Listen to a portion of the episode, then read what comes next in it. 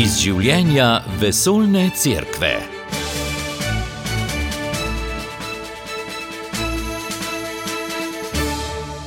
Drage poslušalke, spoštovani poslušalci, prav lepo pozdravljeni. Današnjo oddajo bomo posvetili Ukrajini, tej trpeči deželi. Poklicali bomo sestro Marto Meško in pa duhovnika Mihajla Malnika. V prvem delu oddaje torej vas vabim, da prisluhnete pogovoru s sestro Marto Meško, ki nam bo povedala, kako se trudijo živeti za ljudi, ob ljudeh in pa predvsem z molitvijo objeti vse trpeče. Prizadevajo si, tako kot mnogi drugi, tudi pri nas po Sloveniji, da bi z molitvijo z božjo pomočjo ustavile to zlo, ki se dogaja pri njih.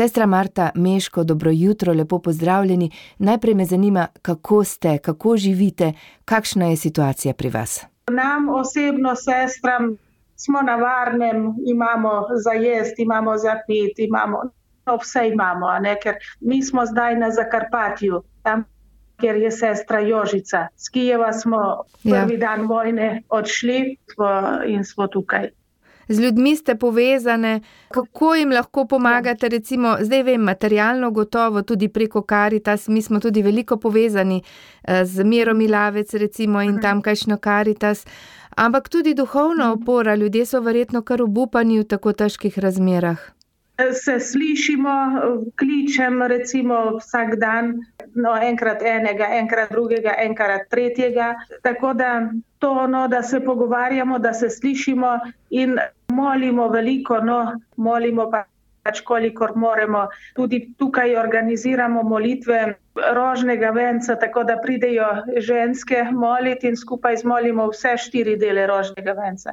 Potem po noči smo si razdelili sestre noč tudi tako, da po urah dežuramo pri Jezusu, dve ure, dve ure, dve ure in se menjavamo. No, to, to zdaj skozi cel čas to delamo, zato ker kakor jaz nekako vedno bolj dojemam, da je to zlo in to zlo res ne moremo premagati. Drugače, vse Jezus ga je že premagal, samo da mi stopimo, da mi to razumemo in da stopimo na njegovo stran. On je itak z nami. No. Tako da v bistvu zaupamo, zaupamo njemu. Je ena gospa, katera ima prizadetega sina in ta sin je bil v internatu, mogoče ste slišali v poročilih Hostomel, tako ime. No in tam so ta prvo bombardirali, zato ker je blizu vojaško letališče in so ga uničili.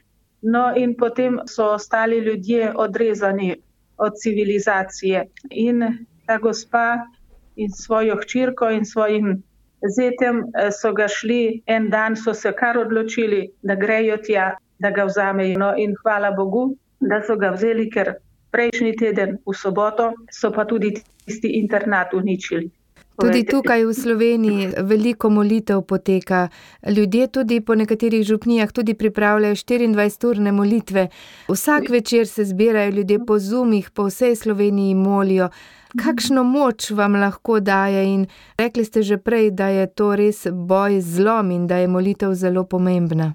Jezusa no, sprašujem, da kje si, kje si Jezusa, ne v tistem. No, in nekako razumem, da je Jezus vseh teh trpečih, da on trpi in v prvi vrsti je on prvi, ki je tam, ki jih dolaži, ki vsakemu ve, kako, kaj potrebuje, kako se mu približati. Ne, se mi zdi, da, da v takih situaciji, kakor smo zdaj, še nismo bili nikoli. Ker če smo služili, pol imaš nek občutek, da nekaj koristnega delaš. Ne? To ti da tudi en, eno energijo in, ne, in greš naprej. No, in ko je na, na začetku postnega časa je bila ta beseda o molitvi, postu in miloščini, takrat sem se zavedala, da kako velik božji dar je, da ti lahko dobro delaš, da ti Bog daje čas in ti daje milost, da lahko dobro delaš. Da zdaj se nahajamo v eni situaciji, ki ne vem, da smo blokirani v tem, da bi lahko služili tako, kot smo služili. Da zdaj je naše poslanstvo je to biti z tistimi, ki trpijo. Veste, da trpečemu človeku zelo težko pomagaš, ker ni besed, ki bi eh, mu olajšali ali pa no, ali, ali pa preveliko besed, v bistvu mu lahko še bolj oteži trpljenje. Tako da bolj to, no, da, da Jezus je tam s trpečimi, da je z nami in da smo mi z njim. No, mislim, da to je, to je zdaj najbolj osnovno naše poslanstvo biti z človekom. No. Kako se bodo stvari razvijali? Ali bo prišla vojna tudi sem? To ne vemo, ker sirene so že bili tudi na Zakarpatju. Glede na to, da pri Lvovu so bombardirali letališče, je tudi na Zakarpatju blizu ukrajinske meje letališče. Tako da resno zgleda tako, da je res, da je to eno duhovni boj in da, kakor da je zelo čist iz, iz cevi spuščeno. No, tak, nekak, tako, ne vem, ampak verjamem, da če je tako močno zlo, če verjamem, ti svetemu Pavlu, ko pravi, da kjer se je pomnožil greh, se je še bolj pomnožila milost, nekaj pričakujemo, da katere bodo te milosti, a ne da pričakujemo te milosti, da, da bodo ljudje lahko zdržali da, v tem in da bodo ostali ljudje, da bodo ostali ljudje. No. Kako vam lahko mi še pomagamo, poleg molitve? Ja, mislim, da to je največ. Ne, da tako, da ste z nami, mislim, da več, več ne morete. Več ne morete. Zaenkrat mislim, da ne morete. In mislim, da to, kar delate, kar telefonski klici, bližina, podpora, solidarnost, delitev dobrin. Pravite, da celo dnevno češčenje ali pa celo dnevna molitev. To se mi zdi, da to je, no, to, je to, kar, kar je v tem trenutku. Ne. Ker odpraviti, res odpravi zlo samo Jezus in on ga je že odpravil, je, je pa zdaj tak čas, čas trpljenja, no, čas trpljenja in ga, in ga moramo to zdržati, zdržati v tem času. Ostajamo z vami, bomo ostali povezani, ne bomo vas pozabili.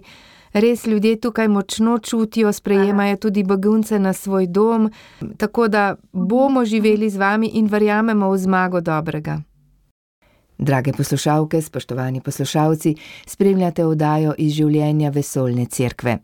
V drugem delu današnje oddaje bomo objavili pogovor z grko-katoliškim duhovnikom Mihajlom Malnikom, ki je veliko let študiral na papeških univerzah v Rimu, večkrat je obiskal tudi Slovenijo in druge evropske države, v Kijevu je ustanovil socialno akademijo, ker je želel mladim brez prihodnosti omogočiti, da bodo sami odkrili in stopili na pot podjetništva.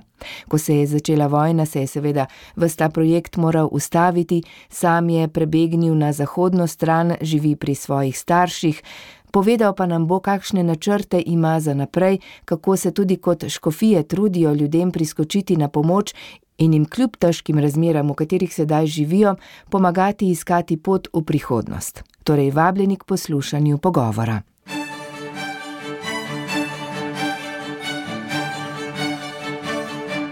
Gospod Mihajlo Malnik, na začetku bi vas vprašala, kako ste. Stamattina mi sono svegliato e mi iniziavo a preoccupare perché non è situazione normale. Bojim se, da se počasi navajamo na vojno. Danes zjutraj sem se zbudil in se zavedel, da po noči nisem slišal siren in vojaških letal. Zaskrbelo me je, ker to ni normalna situacija. Ljudje so prve tedne vojne preživeli v šoku, zdaj pa se sprašujejo, kako graditi prihodnost države. Naprimer, jaz si zjutraj naredim načrt dneva, potem pa pridejo na vrata ljudje, ki so ostali brez vsega, pobegnili so le v pižamah. Sprašujem se, kako naj jim pomagam graditi prihodnost, če pa za nje prihodnost ne obstaja več. Ljudje, ki prihajajo, so kot rastlinice, brez vsakršnih čustev. Ti jim nekaj govoriš, oni pa se sploh ne odzivajo. Nikoli še nisem videl česa takšnega in ne vem, kako ravnati. Kot kristjan in duhovnik vidim človeka brez čustev in ne vem, kaj storiti. Moliti. Seveda molitev pomaga, potem jim dam tudi konkretno pomoč, a nič ne odgovorijo, ker so traumatizirani in to je težko videti. Srečal sem družino, bili so v pižamah, potovali so skupaj z drugo družino najbližjih prijateljev. Na avto od teh prijateljev je padla bomba. Oni pa se sploh niso odzvali. Vprašal sem jih, kaj so storili. Rekli so, nismo se mogli ustaviti. Šele po 300 km smo se ustavili in smo v resnici dojeli, kaj se je zgodilo.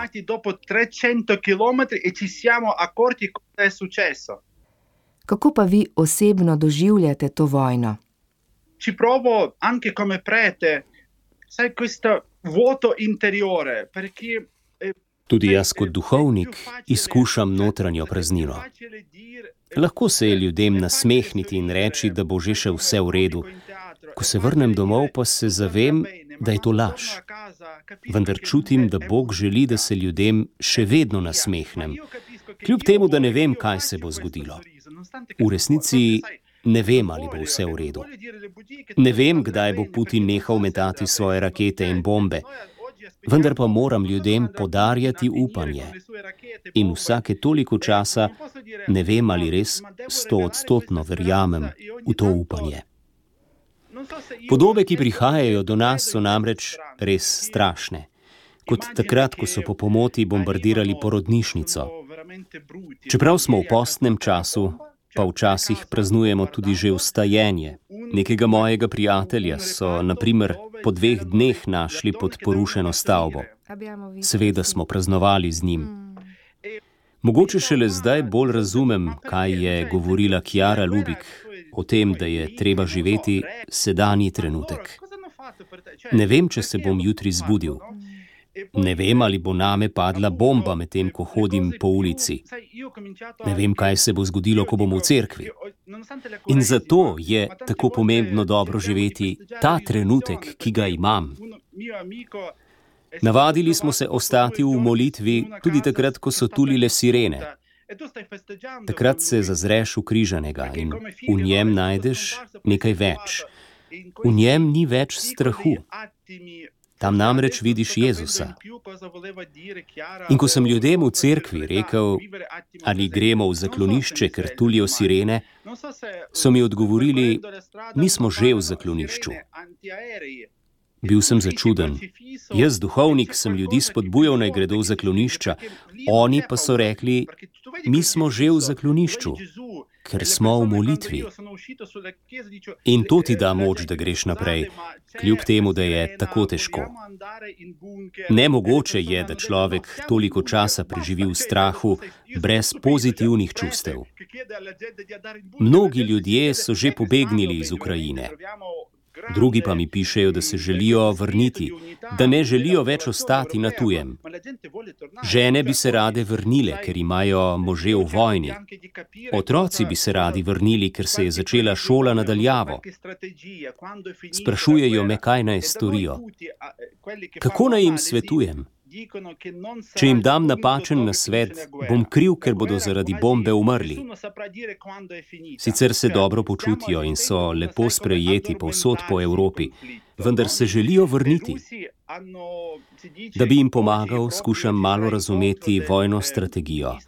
Vsi analitiki tukaj pravijo, da ne bo nekega trenutka, ko se bo vojna končala. Nihče ne bo znal točno povedati, kdaj se je končala. Verjetno bomo priča nekemu konfliktu, ki bo počasi ugašal. Rusi zahtevajo del našega ozemlja in zagotovilo, da Ukrajina ne bo vstopila v zvezo NATO. Bi lahko po vašem mnenju vojno v Ukrajini primerjali z vojno v Siriji? Eh, guardi, cioè, come metodo, Kot model in metoda, ki jo uporablja Putin, absolutno. On uničuje mesta in ubija ljudi.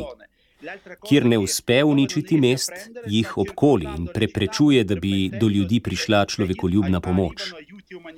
Želi jih pripraviti do tega, da bodo povsem izčrpani in bodo zato šli na ulice in sprejeli vsak dogovor, samo da se vojna konča.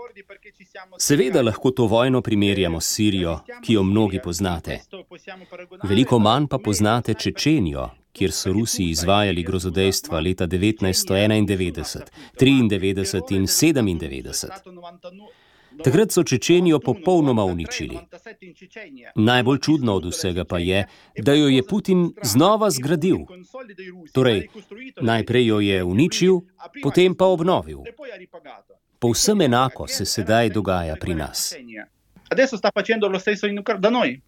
Kako pa ljudje živijo v mestih, ki so jih obkolili Rusi? Faccio per te un'analisi antropologica troppo sofisticata, ma noi in Ucraina da 15 giorni non ci salutiamo più buongiorno, buonanotte e quelle cose. Cioè, buono è scomparso. Naredil vam bom kratko antropološko analizo. Odkar se je začela vojna v Ukrajini, ne uporabljamo več izrazov kot so dober večer, dobro jutro. Beseda dobro je izginila iz našega načina izražanja. Vprašamo se le, si spal, kako je tvoja družina, si na varnem, si kaj jedel, potrebuješ pomoč. Vsi se namreč zavedamo, da dan ni bil dober. Mogoče je bil za nekoga to celo zadnji dan. Tega nikoli ne vemo. Če odgovorim na vaše vprašanje, v teh mestih se komaj preživi. Ponekod ni več vode. Slišali smo za dojenčka, ki je umrl zaradi dehidracije. V nekatera obkoljena mesta ni mogoče dostaviti najnujnejše pomoči. Pomislite, ni pitne vode, smo sredi zime, zunaj je sneg. Predstavljajte si, kaj pomeni biti v zakloniščih brez ogrevanja. Ljudje preživijo samo zaradi močnega adrenalina in volje po preživetju. Tudi, ko to popusti, se zrušijo, zbolijo. Ne bi torej rekel, da v teh mestih živijo, ampak nekako poskušajo preživeti.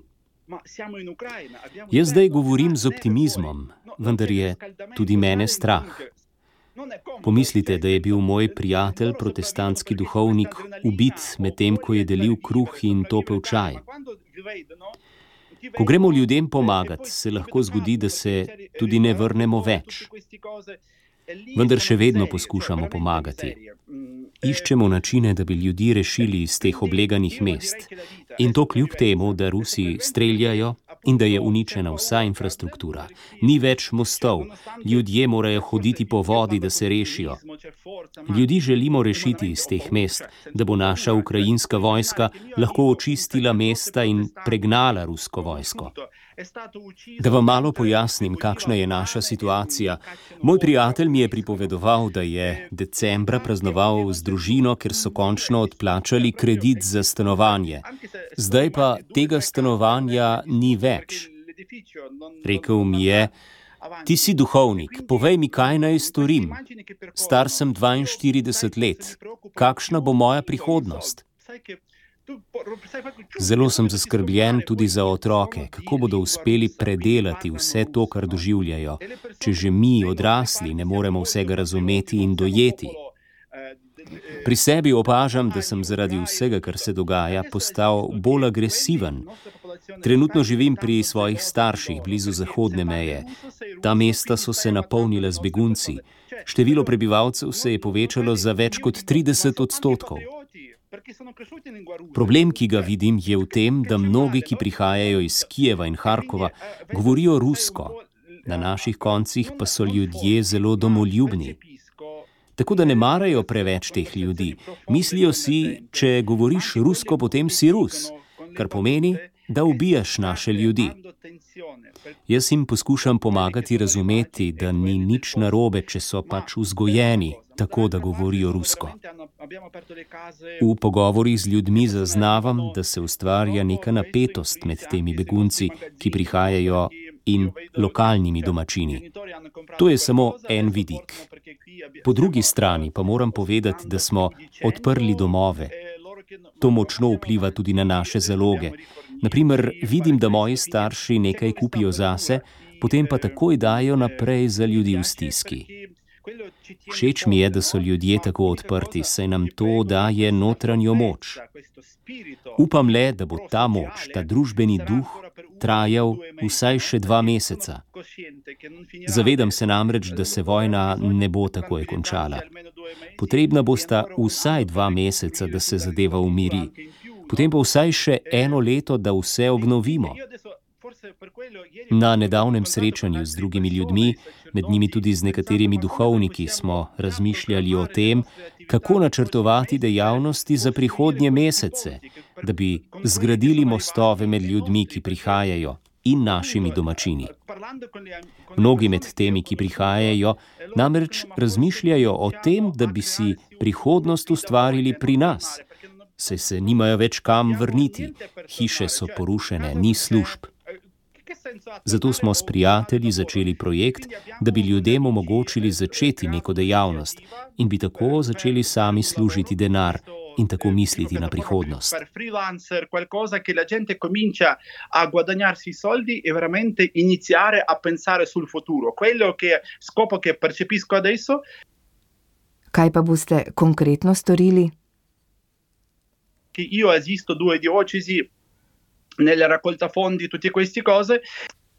Beh, aiuti umanitari ci sono, cioè arrivano e grazie a Dio siamo contenti, siamo grati. V dveh škofijah koordiniram humanitarno pomoč, ki prihaja za ljudi v stiski. Škofom pravim takole: Seveda smo hvaležni za človekoljubno pomoč, ki prihaja, vendar moramo misliti na to, kako uporabiti ta sredstva, da bi ustvarili nova delovna mesta. Za zdaj je seveda dovolj deliti vrečke s kruhom in drugim potrebnim. Zakaj pa ne bi začeli že sedaj ustvarjati nekaj, kar bi ljudem lahko omogočalo, da bi sami imeli denar in si te stvari kupili? Odločili smo se, da bomo odprli nekaj pekarn. Seveda poteka vse še zelo počasi, ne tako hitro, kot bi si jaz želel, vendar se mi zdi pomembno že to, da sejem te zamisli. Mnogi se namreč ne bodo vrnili domov. Če jim ponudimo samo hrano, jih dojemamo kot manj vredne. Moramo jim povrniti dostojanstvo, tako da jim damo zaposlitev, da bodo začutili človeškost, saj bodo svojim družinam lahko prinesli denar, ki ga bodo zaslužili. Kaj pričakujete sedaj, kako se lahko vojna po vašem mnenju konča?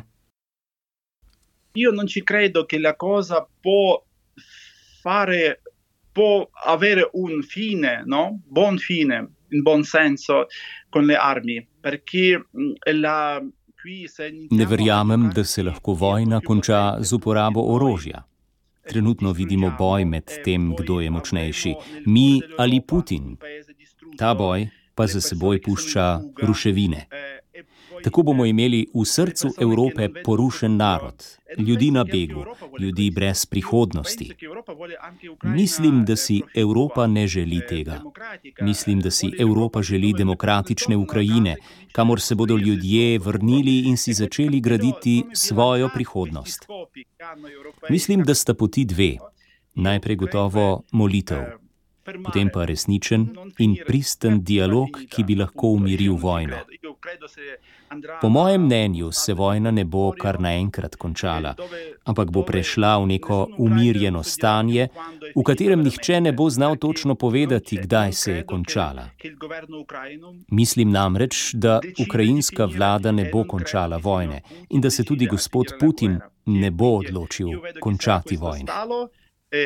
E, e, e, poi vediamo come uscirà.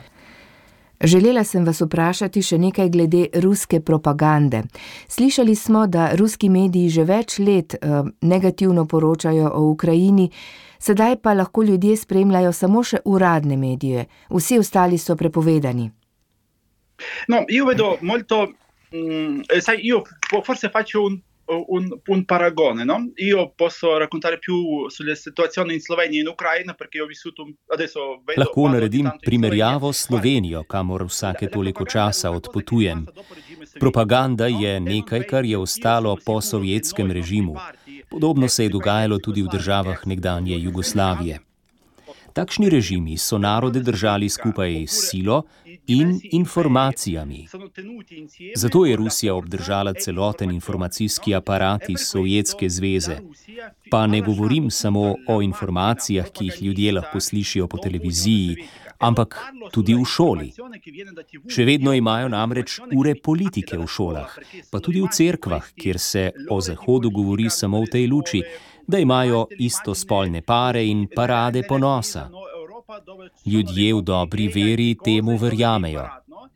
Tudi jaz bi verjel, če bi bil na njihovem mestu. Vsakodnevno so namreč bombardirani samo s temi novicami.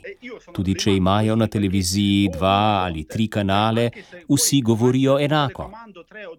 Jaz sem doživel različne izkušnje po več evropskih državah in zato močno verjamem v dialog, ki se odvija znotraj skupin ljudi. Zakaj? Ljudem pri nas nismo omogočili prostora, kjer bi lahko razpravljali o politiki in družbenih vprašanjih. Meni se zdi pomembno, da bi oblikovali takšne skupine, kjer bi informacije lahko krožile in kjer bi lahko posameznik oblikoval svojo civilno zavest, ko lahko sprejme tudi mnenje drugače mislečega. Pri nas nismo oblikovali te civilne družbe. Premalo smo vlagali v razvoj odgovornega državljanstva.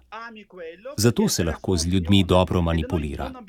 Naprimer, moji starši, ki živijo na zahodu Ukrajine, so bili vzgojeni tako, da močno nasprotujejo Rusom. Če torej na teh območjih govoriš rusko, si njihov nasprotnik. Jaz pa po drugi strani verjamem, da Putin ni Rusija. Ruski narod ni Putin. Dezinformacije torej obstajajo in nič nam ne zagotavlja, da jih ne bo tudi v prihodnosti. Kako pa naj na nje odgovorimo? V različnih skupnostih, skupinah, gibanjih, ki oblikujejo civilno zavest državljanov. Vojna bo gotovo spremenila mnenje ljudi, da ne bodo več toliko verjeli v ruski svet, kot ga imenujejo. Vidijo namreč, kaj to pomeni: uničevanje mest in podobno. Do zdaj se z Rusi nisi mogel odkrito pogovarjati, ker so rekli, da jih nadzorujejo. Po drugi strani pa so tudi govorili, da ne živijo tako slabo. Sedaj, ko so jih doletele evropske sankcije, pa že mislijo drugače. Torej so te sankcije, ki so jih že močno prizadele, močno orožje. Žal mnogi še vedno verjamejo medijem, da v Ukrajini ni vojne. Prepričani so, da civilisti tukaj ne umirajo. Po mojem je treba ustvariti nek protistrup proti temu. Da, da, io dico, non distruggiamo, ma dobbiamo creare un antidoto. Tudi vaš predsednik Volodomir Zelenski je zmagal tako, da je uporabljal družbena omrežja. Tudi zdaj jih uporablja, ko večkrat na dan eh, pošilja svoje sporočila. Kaj pa pravite na to? Uh, eh, sai, Eh, devo dire veramente, perché io, sai, mh, la mia esperienza essendo un cittadino, non ho votato per Zelensky, devo dire sinceramente. No, cioè, in senso, era, per me era un comico, cioè veramente un comico. Poi, Moram eh, iskreno povedati, da nisem volil za Zelenskega. Zame je bil komik, resnično komik. Spraševal sem se, kaj lahko sploh pričakujem od nekega komika, ki bi ga rajši videl na odru, kot pa v politiki. O njem so govorili tudi, da se drogira, da se čudno obnaša. Po drugi strani pa je v stiku z mladimi znal uporabljati njihov jezik. Uporabljal je namreč TikTok in vsa ta družbena omrežja. Našel je neposreden stik s tistimi mladimi, ki že imajo pravico do volitev. Zdaj pa sem spremenil mnenje o njem. Ponosen sem na to, da je moj predsednik. Uspel je iz drugih predsednikov narediti komike, ker se je odločil, da bo ostal v Kijevu. Ne vem, če se je zavedal, kaj je storil, vendar pa je s tem svojim dejanjem mnogim dal moči. To, kar objavlja na TikToku in drugih omrežjih, nam pomaga razumeti, da nekoga skrbi za nas in da hoče ustvarjati odprte odnose. Rad ga poslušam. Potem imamo še enega župana, ki počne podobne stvari, se tudi šali in to je ljudem všeč. Zelenski zdaj za naš narod postaja junak. Tega smo si želeli. Kot slovani si vedno želimo nekega cesarja, nekega močnega voditelja. Leta 2004 smo v oranžni revoluciji ustvarili cesarja Juščenka v prepričanju, da bo storil vse sam, mi pa bomo lahko mirno doma počivali. To se ni zgodilo in mi smo bili razočarani. Leta 2014 smo ustvarili novega cesarja Porošenka in mislili, da bo on poskrbel za vse. Pa ni bilo tako. In prav v tem je smisel odgovornega državljanstva. Ne misliti, da bo nekdo drug vse naredil na mesto tebe. Če je naprimer na hodniku bloka vse umazano, če na ulici ne dela luč, če je posod umazanija, Počasi, počasi začenjamo razumeti, da smo mi sami odgovorni za naše vasi in naša mesta. Pri vas v Sloveniji so stanovanski bloki čisti, pri nas pa ni tako. Na hodnikih je vse umazano in zanemarjeno, stanovanja pa so urejena in čista. Zakaj? Zato, ker hodniki ne pripadajo nikomor. Ni torej te državljanske zavesti non è mio, è di Stato, di qualcuno, di Zelensky. Gre torej za ostanke comunisma? Bravo. Sì, mm. homo sovietico, no? E per questo, cioè, perché parlo di Zelensky? Sta portando totalmente l'altro modo di comunicare, di fare politica che ci siamo abituati noi, no? Con suo modo. Da, prav tako je. In Zelenski prinaša povsem nov pogled na komunikacijo in ustvarjanje politike, kot smo ga bili navajeni do sedaj. Ne glede na svojo preteklost, je eden od tistih, ki so nam dali moč, da gremo naprej. Samega sebe je označil za odprtega vernika, torej odprtega vsem verstvom. Vendar je kljub temu govoril o Bogu, verjel je v molitve. Mislim, da smo ustvarili junaka, ki nam pomaga iti naprej in nam daje pogum, da se upremo. Po mojem mnenju je že dosegel velik uspeh tudi z političnega vidika. Verjetno bo znova izvoljen, če le v pogajanjih ne bo izgubil večjega dela ukrajinskega ozemlja. Za ljudi namreč postaja junak, medtem ko ga mnogi v preteklosti, ker je bil komik, niso preveč marali, ga sedaj vsi občudujejo. Smo v postnem času. Kako ga živeti, da bi tudi mi prispevali k miru? Dividerei due paci, no? pa- pace, posso dire. C'è pace interna e c'è pace esterna. Io parlerei anche di pace interna, che è molto importante. Forse nessuno di noi ha pensato su questa pace. Mogoče smo premalo mislili na notranji mir, biti v miru s samim seboj. Če imam rad samega sebe, ne bom imel težav graditi miru s svojim bližnjim, ne bom imel težav ustvarjati iskrenega dialoga z ljudmi, ki so ob meni. V tem postnem času bi vsakega od nas povabil, da najde ta notranji mir da se ozre v lastno srce in se vpraša, kaj Bog hoče od mene. V teh dneh sem doživljal takšne stvari, da sem se vprašal, ali poznam Boga. Študiral sem teologijo, živel sem duhovno življenje, tudi z drugimi. Prebral sem mnogo knjig. Sedaj pa sem se vprašal, ali v resnici tudi živim z Bogom. Nikoli do sedaj se nisem spraševal, ali Bog živi v meni. Postavljal sem si ta in mnoga druga vprašanja. Vse je odvisno od mene, od mojega srca. Ni dovolj poznati Boga, brati o njem, vedeti, da obstaja sveto pismo. Pomembno ga je imeti v srcu.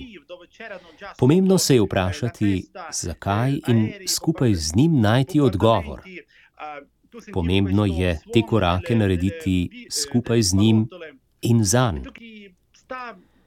Iz Kijeva sem zbežal, ko so že padale bombe, ko so nad nami letela letala in sem slišal zvok šviganja krogel. Takrat sem pomislil, da nisem sam, da imam očeta, ki me varuje.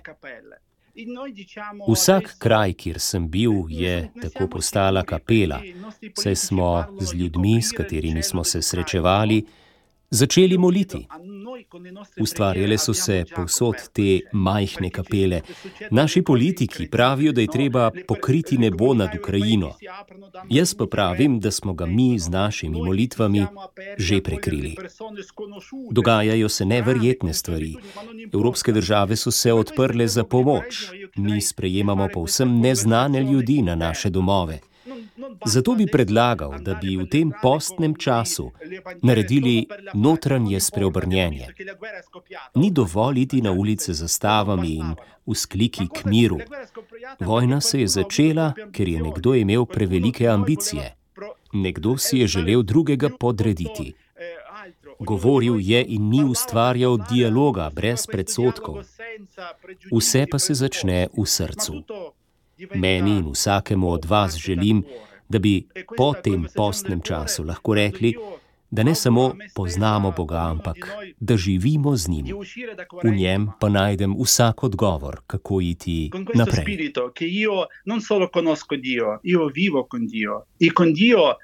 Trovo ogni come andare avanti.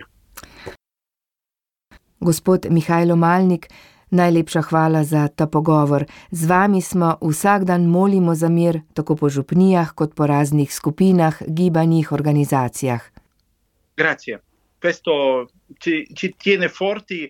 Hvala vam. To nam daje moč, saj se zavedamo, da nismo sami in da nekdo moli za nas. Drage poslušalke, spoštovani poslušalci, s tem tudi zaključujemo današnjo oddajo iz življenja vesoljne cerkve. Naj nas tudi v tem tednu, ki je pred nami, povezuje goreča molitev za mir, za mir v naših srcih, za mir v naših medosebnih odnosih, za mir v Ukrajini. Oddajo sem pripravila in pogovor prevedla Marjana Debevec. Prevod pogovora z duhovnikom Mihajlom Malnikom pa je bral Blaš Lesnik. Poslušali ste oddajo iz življenja vesoljne cerkve. Ponovno ji lahko prisluhnete v našem audio arhivu. radio.ognisce.si